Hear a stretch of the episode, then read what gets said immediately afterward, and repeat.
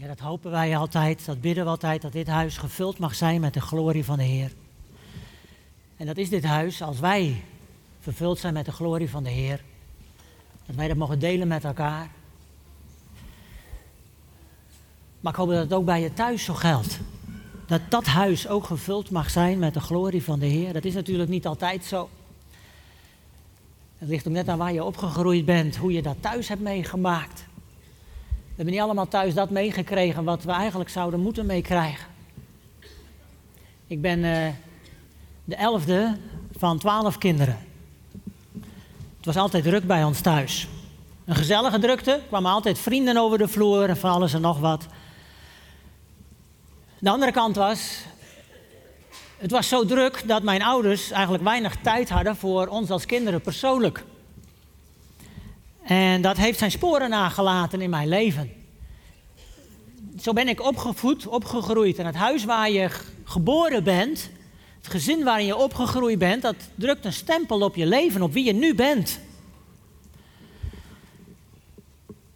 En uh, mijn broer boven mij, die is uh, een jaar en vier maanden ouder dan ik ben. Dus je kunt wel uitrekenen wanneer mijn moeder zwanger raakte, toen mijn broer dus nog ongeveer negen maanden was.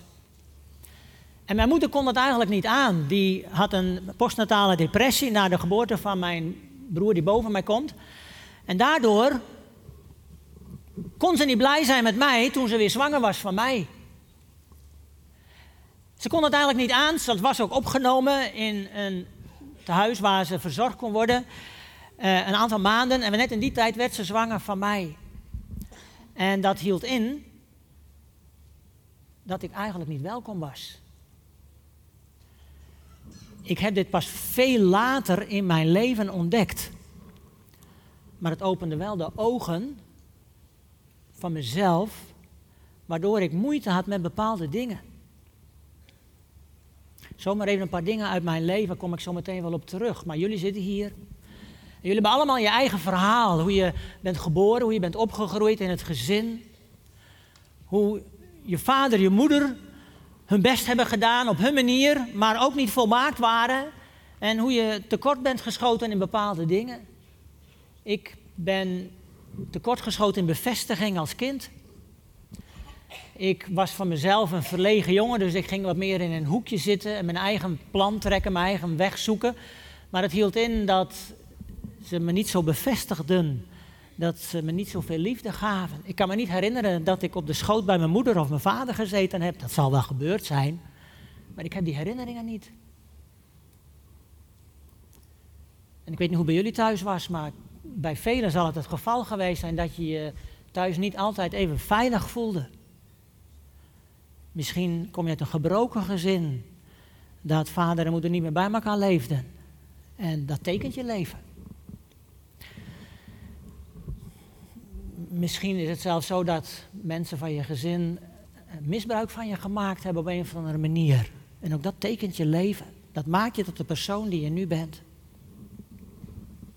Maar er zijn er veel mensen die, ik tegenkom en die blijven daar zitten. En zeggen, ik, ik ben niets en ik kan niets. Dan denk ik, dat is niet zo. Maar God heeft een plan met je leven. En die maakt je tot iets geweldigs. Maar zie het. En wil je daarin gaan staan. Ik wil u meenemen naar iemand uit het Oude Testament. En we lezen over hem in 1 Kronieken, hoofdstuk 4, vers 9 en 10. Dat is Jabes. En dat is het enige wat we van hem weten, deze twee versjes die ik met u ga lezen. Ze staan op het scherm, dus u kunt ze zo meelezen. Het 1 Kronieken 4, vers 19 uit de nieuwe Bijbelvertaling. Jabes stond in hoger aanzien dan zijn broers. Zijn moeder had hem Jabes genoemd, want, zei ze, ik heb hem in pijn gebaard.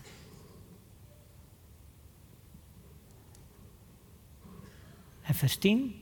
Jabes bad tot de God van Israël, zegen mij.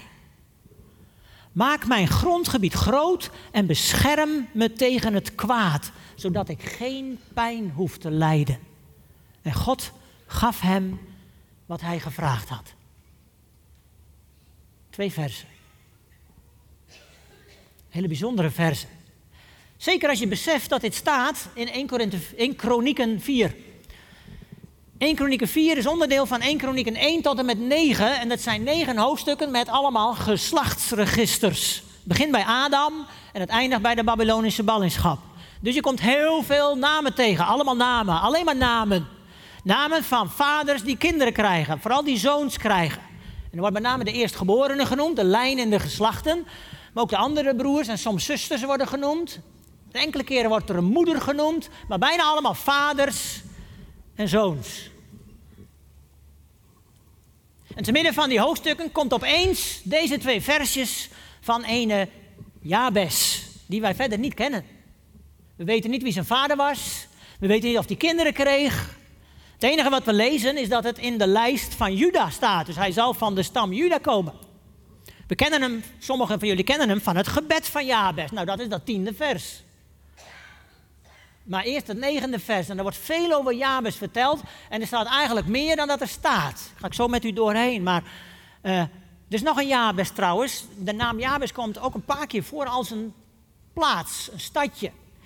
In Gilead, dat is in het Oost-Jordaanse. Ze zeggen een plaats die eigenlijk niet bij Israël hoorde, maar er toch een beetje bij hoorde. Ik denk dat dat ook voor Jabes gold, deze Jabes. Hij was er wel, maar hij hoorde er eigenlijk niet zo bij. Veel mensen voelen zich zo, hè? Je hoort er eigenlijk niet bij. Nou zegt God, je hoort er wel bij. Ik neem u mee naar Jabes.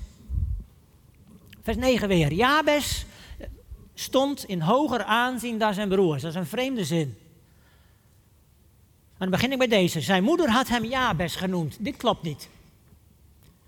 Het hele Oude Testament door lezen we dat vaders namen gaf, zeker aan zijn zoons. En hier is een moeder die noemt hem Jabes. Want zij ik heb hem in pijn gebaard. Een paar keer zie je in de Bijbel dat een moeder de naam geeft aan een kind. Of bijna. Ik neem u mee naar Zacharias en Elisabeth. In hoge ouderdom wordt Elisabeth zwanger en ze krijgen een zoon. En dan komen de buren en die zeggen, wat geweldig. Die moet natuurlijk, Zacharias heet naar zijn vader. Nee, zegt moeder Elisabeth, dat is niet de bedoeling. Doe je, zegt ze dan tegen haar man, uh, Zacharias, maak jou nou duidelijk hoe die zal heten. En die krijgt dan een lijstje, want hij kon niet praten, immers negen maanden lang. En dan schrijft hij op, Johannes is zijn naam. En op dat moment kan hij weer praten. Mooie geschiedenis. Maar hij gaf de naam aan zijn zoon, Johannes, Johanan. God is genadig, mooie naam. Nog een bijzondere geschiedenis, en dat is uh, Jacob, aartsvader Jacob, die kreeg twaalf zonen en die had vier vrouwen. Twee vrouwen, twee bijvrouwen. En zijn liefste vrouw was Rachel. Rachel kreeg twee kinderen, Jozef en de jongste. En toen de jongste geboren werd van de twaalf, toen, dat was vreselijk eigenlijk, want Rachel die overleefde de bevalling niet. Ze stierf bij de bevalling. Het kindje was net geboren en toen gaf Rachel een naam aan het kindje. Ben-Oni noemden ze. Ben-Oni, kind van mijn ongeluk. Nou, dat zou niet mooi zijn als hij met die naam door het leven zou moeten. Ja, ik heet kind van mijn ongeluk, van mijn moeder, want die stierf bij mijn geboorte. Dat tekent je leven. Maar dan komt Jacob, de vader, en die zegt: Nee hoor, het wordt Benjamin, die overroelt zijn vrouw. En daarom kennen we de twaalfde zoon van Jacob ook als Benjamin. Zoon van mijn rechterhand betekent dat. Of zoon van mijn vreugde. Een vader gaf naam aan zijn kind. En als we hier dan lezen dat zijn moeder hem Jabes noemt, dan betekent dat dat de vader buiten beeld was. Maar we weten niet waarom. Was hij gestorven? Dat dat een verdriet in hun leven was voor de geboorte van zijn zoon? Of was zijn vader op dat moment afwezig? Was er oneenigheid in het huwelijk? Waren ze uit elkaar? Het zou zelfs kunnen zijn dat Jabes misschien een buitenechtelijk kind was van een andere vader. We weten het niet. Wat we wel weten is dat de vader niet aanwezig is, anders had hij de naam gegeven. Maar dat betekent heel wat, zeker voor, dat betekent in elk gezin wat. Dat betekent strijd en pijn Maar voor een Joods gezin nog helemaal. Want wat doet een Joodse vader? Iedere keer als het Shabbat, als de Shabbat aanbreekt op vrijdagavond, dan zegent hij zijn kinderen. Dan legt hij ze de handen op en dan spreekt hij de zegen van de Almachtige God over hen uit. Toen onze kinderen jong waren, hebben we het ook elke week gedaan. Hebben we gebeden voor een zegen voor hun kinderen. En ik mocht als vader mijn handen opleggen op onze kinderen. En dat werkt door in hun leven. Jabes miste dat. Maar er staat meer. Ze had hem Jabes genoemd, want zei ze, ik heb hem in pijn gebaard. Hey, elk, elk kind wordt toch met pijn geboren? Elke bevalling betekent pijn. Als dit geschreven staat van de moeder van Jabes, dan betekent het ook niet, denk ik, lichamelijke pijn. Maar ik geloof dat het gaat om andere pijn. Dat de geboorte in een situatie van pijn plaatsvond. En wellicht had het dan ook te maken met de gezinssituatie. Met de vader die aanwezig was. Dat was een pijnlijke situatie. Ik heb hem in pijn gebaard. Als je gezin gebroken is, als er iemand aanwezig is die er hoort te zijn, dan doet dat verdriet, dan is er een gat in het gezin. En dat doet pijn. Ik heb hem in pijn gebaard. Toen Maria zwanger was van Jezus, gaf dat dubbele emoties. Jozef en Maria zijn daarna ook snel getrouwd. Maar een paar maanden later werd Jezus geboren. En iedereen kon tot negen tellen en had direct door dat Maria zwanger was voordat Jozef en Maria gingen trouwen. En het was in een dorp, Nazareth. Nou, daar praat iedereen over zulke dingen natuurlijk. Verzin ik dit zomaar? Nee, want als je in Johannes leest, als de Heer Jezus volwassen is en in discussies met de fariseeën en schriftgeleerden, dan uh, komt het op een gegeven moment ter sprake van, ja, zeggen de schriftgeleerden, wij zijn kinderen van Abraham. En dan zegt Jezus, nee, want dan zouden jullie wel de werken doen van Abraham. Jullie zijn kinderen van de duivel. Nou, het zal je maar gezegd worden. En wat antwoorden ze dan? Wij zijn niet uit hoererij geboren. Voelt u de steek? Wij zijn niet uit hoererij geboren. Ze zeggen het niet hardop, maar ze bedoelen het wel. U wel. Dat wisten ze. Van Jozef en Maria. Die pijn die heeft Maria meegedragen. Want de mensen kletsten over haar. Want ze droeg dat mee. Ik ben zwanger, maar niet van Jozef. Wie kan ik dat uitleggen? Zelfs Jezus broers, die geloofden hem eerst helemaal niet. Dat hij de zoon van God was. In pijn gebaard. En dan kom ik bij dat eerste stukje van dit vers. Jabes stond in hoger aanzien dan zijn broers. Dat is een bijzondere mededeling. Dat heeft met de gezinssituatie te maken, want het staat te midden van die geslachtsregisters. In hoger aanzien, je kunt het ook vertalen met hij kreeg meer eer dan zijn broers. Dan kan ik één ding heel duidelijk zeggen. Jabes was niet de oudste in de rij van de broers. Want dan stond hij, de oudste, de eerstgeborene, die staat in hoger aanzien. Dat is de erfgenaam. Dat is de stamdrager. Die krijgt ook, na het overlijden van de vader, krijgt hij een dubbel erfdeel. Dat gold dus niet voor Jabes. Hij was niet de eerstgeborene. Er is iets bijzonders aan de hand. Jabes heeft op een bepaalde manier heeft hij aanzien verworven. Daar kom ik straks op terug. Die heeft zich niet neergelegd bij de positie waarmee hij geboren was. Dan vul ik het al wat in. Dat gold ook voor David. Weet u, David, koning David. Toen Saul niet meer koning was naar de wil van God, toen gaf God opdracht, opdracht aan Samuel. Samuel, je moet naar Bethlehem gaan, daar woont een meneer Isaïe met zijn gezin. En dan moet je een van zijn zonen moet je tot nieuwe koning zalven over Israël. Bijzondere opdracht voor Samuel. Samuel gaat naar Bethlehem en die treft daar gezin Isaïe aan, die nodigt hen uit voor de offermaaltijd. En dan staat er ook heel duidelijk, hij heiligde de zonen van Isaïe. En dan kwamen ze aan tafel. En Samuel weet, een van die zonen mag ik tot koning zalven. Maar hij wist nog niet wie, dat zou God hem duidelijk maken. En dan ziet hij die zoons en dan komt de eerstgeborene Eliab, een stoere vent, een grote man. Staat er ook echt zo. En dan denkt, denkt Samuel, denkt, ja, dat is hem. Kijk eens wat een kerel. En dan zegt God, nee, nee. Jij kijkt naar het uiterlijk, maar ik kijk naar het hart. Oh, nou dan komt de tweede, Aminadab. Nee, dat is hem ook niet, zegt God. En dan komt de derde, Simai, dat is het ook niet. En dan komt de vierde, de vijfde, de. Zeven zonen komen er voorbij. Zeven zonen. mooi Bijbels getal. En dan zijn ze allemaal geweest. En niemand is het. God heeft niet gezegd. En dan, zegt, vraagt Samuel en Isaïe, zijn dit al je zonen? Dat klopt iets niet. Oh nee, zegt Isaïe. Oh nee, wacht even, er is er nog één. Ja, ah, dat is David. Die zit bij de schapen in het veld. En dat verzin ik niet hoor, dit staat zo in de Bijbel. Ik kan me dat niet voorstellen. Dan worden je zonen uitgenodigd, word je met je zonen uitgenodigd bij de profeet van Israël, de richter van Israël. En dan vergeet je de jongste. Kan toch niet? De achtste.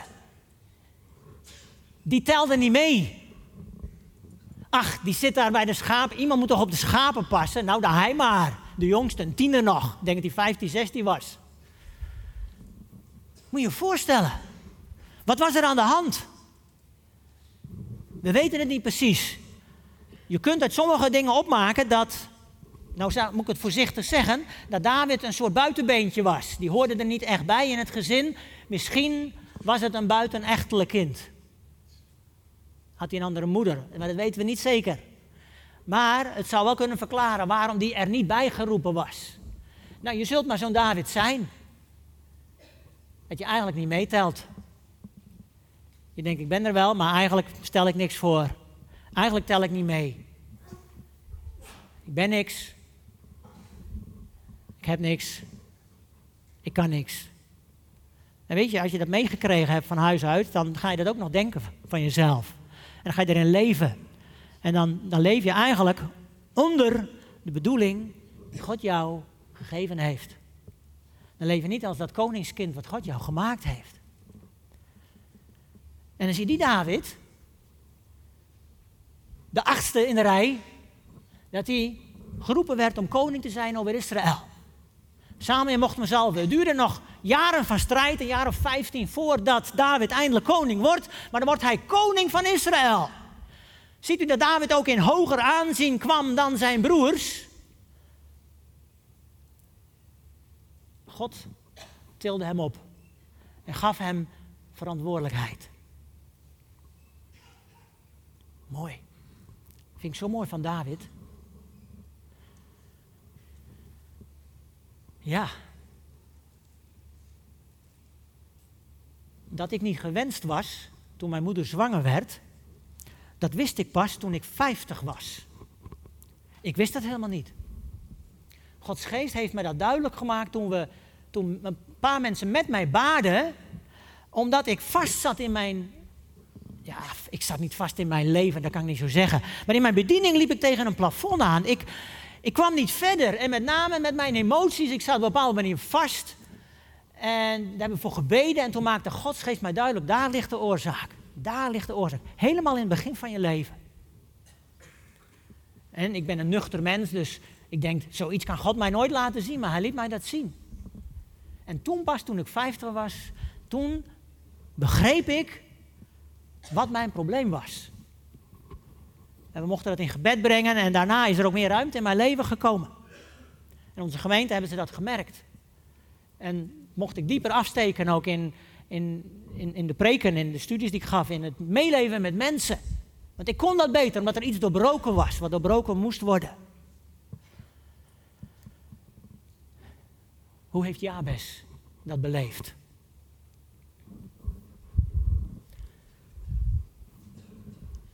Ging Jabes in een hoekje zitten kniezen? Ging zeggen, nou ja, het, het is niks en het wordt ook niks met mij. Nee, kijk maar naar vers 10. Jabes bad tot de God van Israël. Zegen mij. Maak mijn grondgebied groot. Dat mag je ook vertalen met maak mijn grondgebied groter. En bescherm me tegen het kwaad. Maak mijn grondgebied groot. Waarom mijn grondgebied. Nou, je moet je voorstellen dat het hele land Israël werd verdeeld bij de verovering van het land onder alle families. Elke familie kreeg een evenredig deel. En dat was hun erfdeel. Dat was van God, maar ze mochten dat land bewerken om het gezin te onderhouden. Wat voor de landbouw en wat over was voor de verkoop. Dat was hun bestaan. Dat was hun verantwoordelijkheid. Elke familie kreeg een stukje verantwoordelijkheid op het grondgebied wat God hen gaf. En als een vader stierf, dan werd dat grondgebied werd verdeeld onder de kinderen, onder de zoons. De dochters werden uitgehuwelijkt, schoondochters kwamen erbij en de zoons die verdeelden het grondgebied. Dat was hun erfdeel, dat was hun verantwoordelijkheid, hun taak voor de Heere God om met dat grondgebied Hem te dienen. En natuurlijk te leven. Is belangrijk, dat grondgebied. Ik zei jullie al, een eerstgeborene die kreeg een dubbel deel. Die kreeg twee delen van het grondgebied en de rest werd evenredig verdeeld onder de andere zoons. En Jabes, die bidt, maak mijn grondgebied groter. Dan waar ik recht op heb, dan wat ik gekregen heb. Daar proef je mee dat Jabes maar een klein stukje had gekregen. En zei, Heer, ik ga niet in een hoekje zitten, niks doen. Ik bid om meer. Ik bid om meer. Als Nabat gevraagd wordt door koning Agab om die wijngaard te verkopen aan hem. Het was naast de koninklijke paleis, de tuinen. En dan zegt Nabat, nee, dat kan niet. Want dat is mijn erfdeel. Dat is het gebied wat God mij gegeven heeft. Daar moet ik vrucht dragen. Daar mag ik groeien en bloeien. Vandaar dat hij dat niet wilde verkopen. Dat land is zo belangrijk, dat grondgebied. Dat was zijn leven. We komen dat meer tegen. Ik had het zo pas over David. Nou, David schrijft hierover in Psalm 16. Kijk maar eens. In Psalm 16, dat is een bekende psalm, die gaat over Gods leiding in je leven. En dan staat er in vers 6, dan zegt David, een lieflijk land is voor mij uitgemeten. Ik ben verrukt van wat mij is toebedeeld.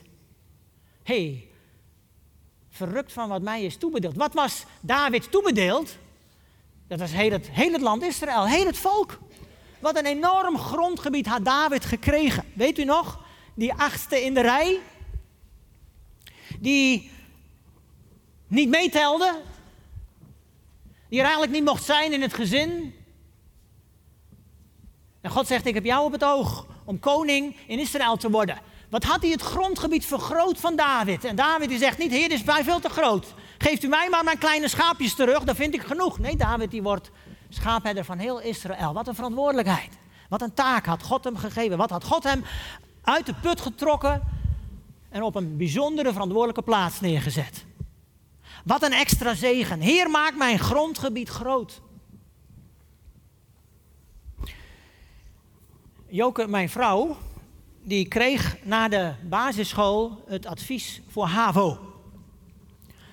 Maar haar vader die dacht, nou, MAVO is wel genoeg.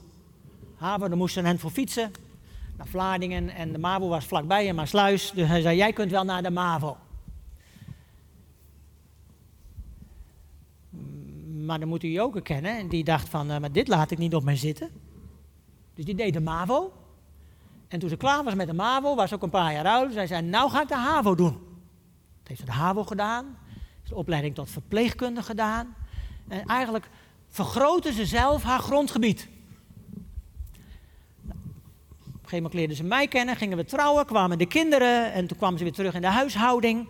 Maar toen de jongste vier was en naar school ging, toen kriebelde het weer. En toen dacht ze, ik wil mijn grondgebied weer vergroten. Is ze gaan studeren, opnieuw gaan studeren voor maatschappelijk werkster. En daardoor kon ze mensen gaan helpen in maatschappelijk werk. Eerst bij slachtofferhulp, toen bij de Raad voor de Kinderbescherming. En zo kwamen we in Dokkum terecht. En op een gegeven moment bad Joke dit gebed van Jabes. Heer, maak mijn grondgebied groter. En toen kon ze nieuw leven opzetten in Dokkum. Wij noemden dat een nieuw begin. Het is hetzelfde programma van Celebrate Recovery. Het zoals het hier ook jaren draait, hebben we daar een aantal jaren mogen draaien. En Joke mocht dat leiden en mocht daar mensen in meenemen. En heel veel mensen zijn daarin gegroeid, tot, tot zegen gebracht. hebben een groter grondgebied gekregen, zijn sterker geworden in hun geloof. Na een aantal jaren nam het af en is dat programma gestopt. En toen dacht Joker van ja heer, dan vraag ik maar weer om nieuw grondgebied. En toen is hij opnieuw gaan studeren voor contextuele therapeut. En we hopen dat ze daarmee, we verwachten dat ze daarmee ook weer meer mensen tot zegen mag zijn. Maar dit was ook echt een antwoord van God hoe hij haar gebied vergrootte. Weet u, dit verhaal begon bij haar vader, die zei: Mavo is wel genoeg voor jou. Vrouwen, ah, die komen toch in huis te zitten. Ga je daaronder, blijf je eronder zitten? Of zeg je: Nee, Heer, ik ga niet in een hoekje zitten. Ik ga me uitstrekken. Vergroot mijn grondgebied. En dan gaat Jabes verder met zijn gebed. Want dat bidt hij niet alleen. Het laatste stukje van vers 10. En bescherm mij tegen het kwaad. Zodat ik geen pijn hoef te lijden. Weet u wat de naam Jabes betekent? Kind van pijn. Zijn moeder had hem die naam gegeven, hebben we gelezen. Hè?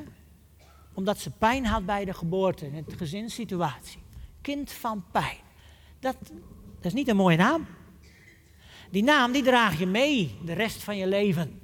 En iedere keer weer, kijk, ons zegt het niets. Jabes is Jabes voor ons.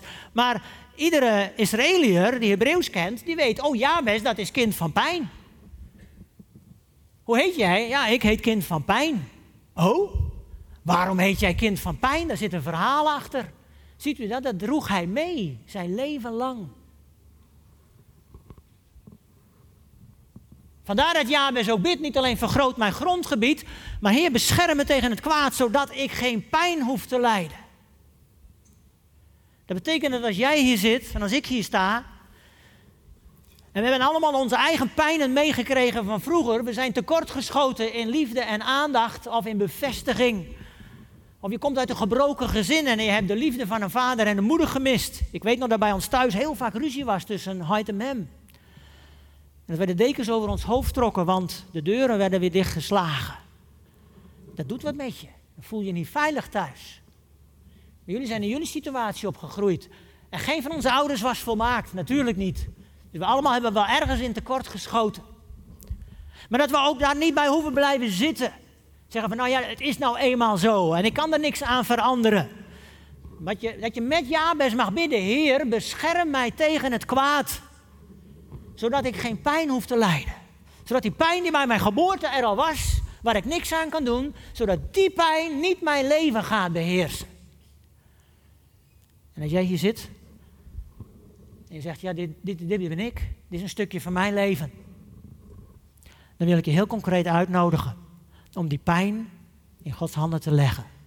Om met Jabes mee te bidden, Heer, bescherm me tegen het kwaad, zodat ik niet nog meer pijn hoef te lijden.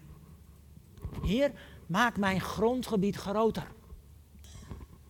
Ik wil niet blijven zitten in het hoekje. Ik wil niet leven met de gedachte van, ik kan het niet, want het is me altijd verteld. Jij zult nooit wat worden, voor wie dat gehoord heeft in zijn jeugd. Dat is een vloek. Dat mag je verbreken in de naam van Jezus.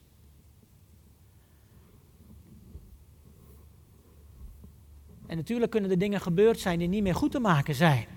Wat er met jou gedaan is. Maar je mag bidden met Jabes, Heer. Laat mij niet nog meer pijn hoeven lijden. Til mij daar bovenuit.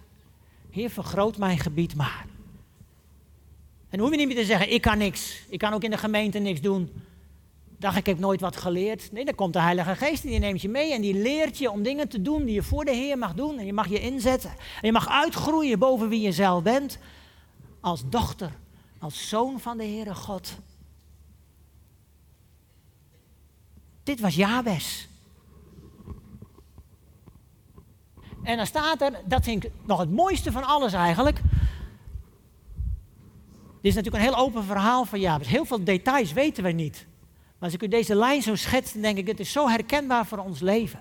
En als Jabes dit bidt, dit gebed, dan eindigt het met, God gaf hem wat hij gevraagd had. En dat vind ik nog het allermooiste. God gaf het hem. Wat, wat gaf God hem? God gaf hem, dat staat hier voor, hè, meer grondgebied. Een grotere taak. Een grotere verantwoordelijkheid. Ja, maar je mag aan de slag voor mij. Ik heb wel wat te doen voor jou. En als dat voor Jabes dan concreet inhield dat hij meer grond kreeg, dat denk ik, want het staat er zo. Maar voor ons mag dat op ander gebied zijn. Dat God zegt, ik wil jou gebruiken, ik wil jou inschakelen. Want ik heb nou zoveel mooie plannen met jou. Want je bent kostbaar in mijn ogen. Jij bent die parel in mijn hand. En hoe anderen ook over je praten, wat je thuis ook gemist hebt aan bevestiging, ik ben trots op jou. Je bent kostbaar in mijn hand, want ik heb mijn zoon Jezus voor jou overgegeven. Om jou heel persoonlijk te redden. Dat is God. En zo bevestigt Hij. Hij wil verhoren. Als je dit bidt, Heer, neem mijn pijn weg. En geef mij maar meer grondgebied.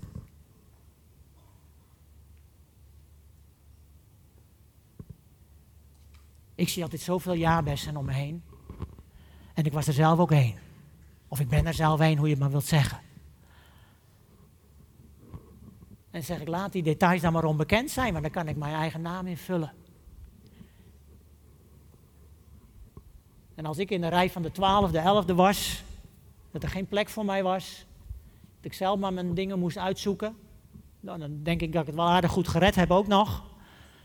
Maar dat God mij dan het waard vond dat ik voorganger mocht worden. Ik, wat een genade, wat een extra genade geeft God. Dat ik u mag dienen met het woord, met studies. Denk ik, dat is extra genade, dat heb ik niet van mijzelf. Zo werkt God.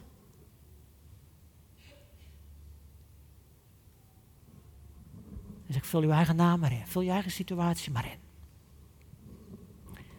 Ik wil stappen van geloof vragen van jullie.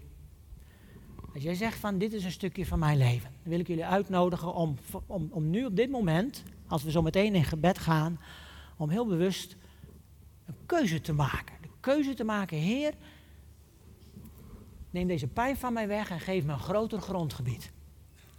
Heer, ik wil niet genoegen nemen met de situatie zoals die tot nu toe geweest is. Wat ik gemist heb, Heer, wilt u dat aanvullen? En ik wil ervoor bidden dat Hij dat aan mag vullen in je leven. Dus ik ga in gebed met jullie. En ik wil jullie ook vragen, als jij zegt van, maar dit is voor mij, dit raakt mij. En ik wil een stap in geloof zetten naar deze God toe. Dan wil ik ook heel concreet vragen dat je een stap zet, dat je tijdens het gebed gaat staan en zegt, dit is voor mij. Heer, hier ben ik. En ik ga staan omdat ik er mag zijn voor u. Omdat ik kostbaar in uw ogen ben. En zeg God, ja, kom maar. Mijn zoon, mijn dochter. Kom maar. Zullen we samen bidden? Vader in de hemel, dank u wel voor deze korte geschiedenis van Jabes. Wat een pareltje te midden van al die namen in die geslachtsregisters. Je dank u wel voor de verhoring van zijn gebeden. Hoe u hem hebt uitgetild boven de pijn van zijn jeugd.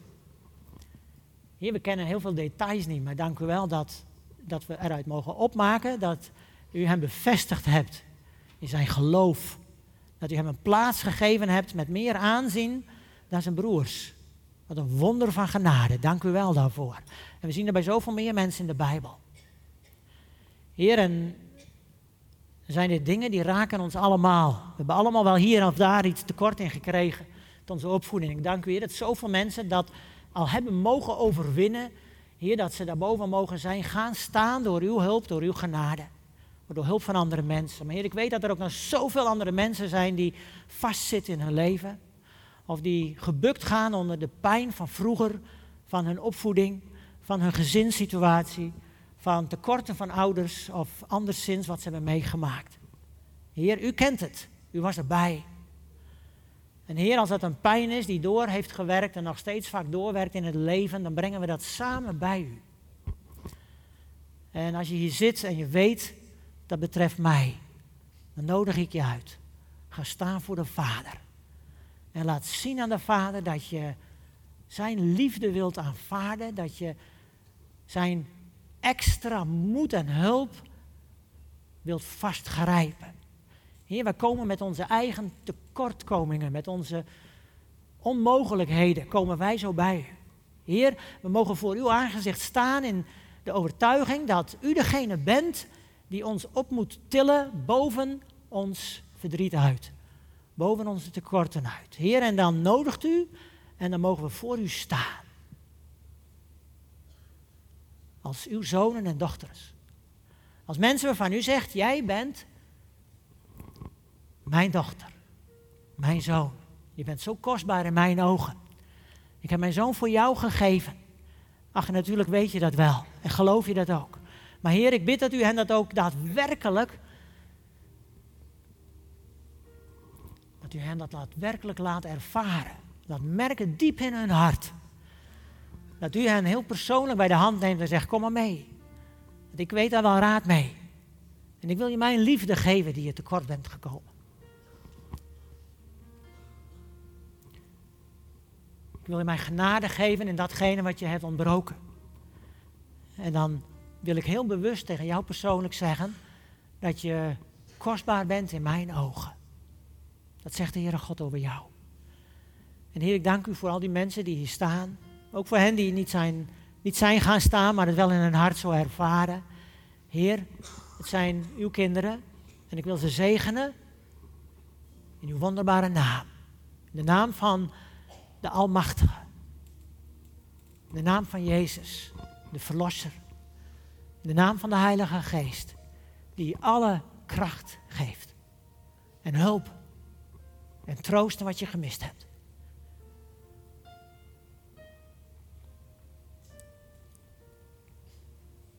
Dank u wel, Heer. Dank u voor uw liefde. Dank u wel dat u de God van Jabes bent. En de God van mij. En de God van ieder van ons. Heer, wij prijzen u daarvoor. En we dragen elkaar zo aan u op. In de naam van onze overwinnaar, Jezus Christus. Dank u wel. Amen.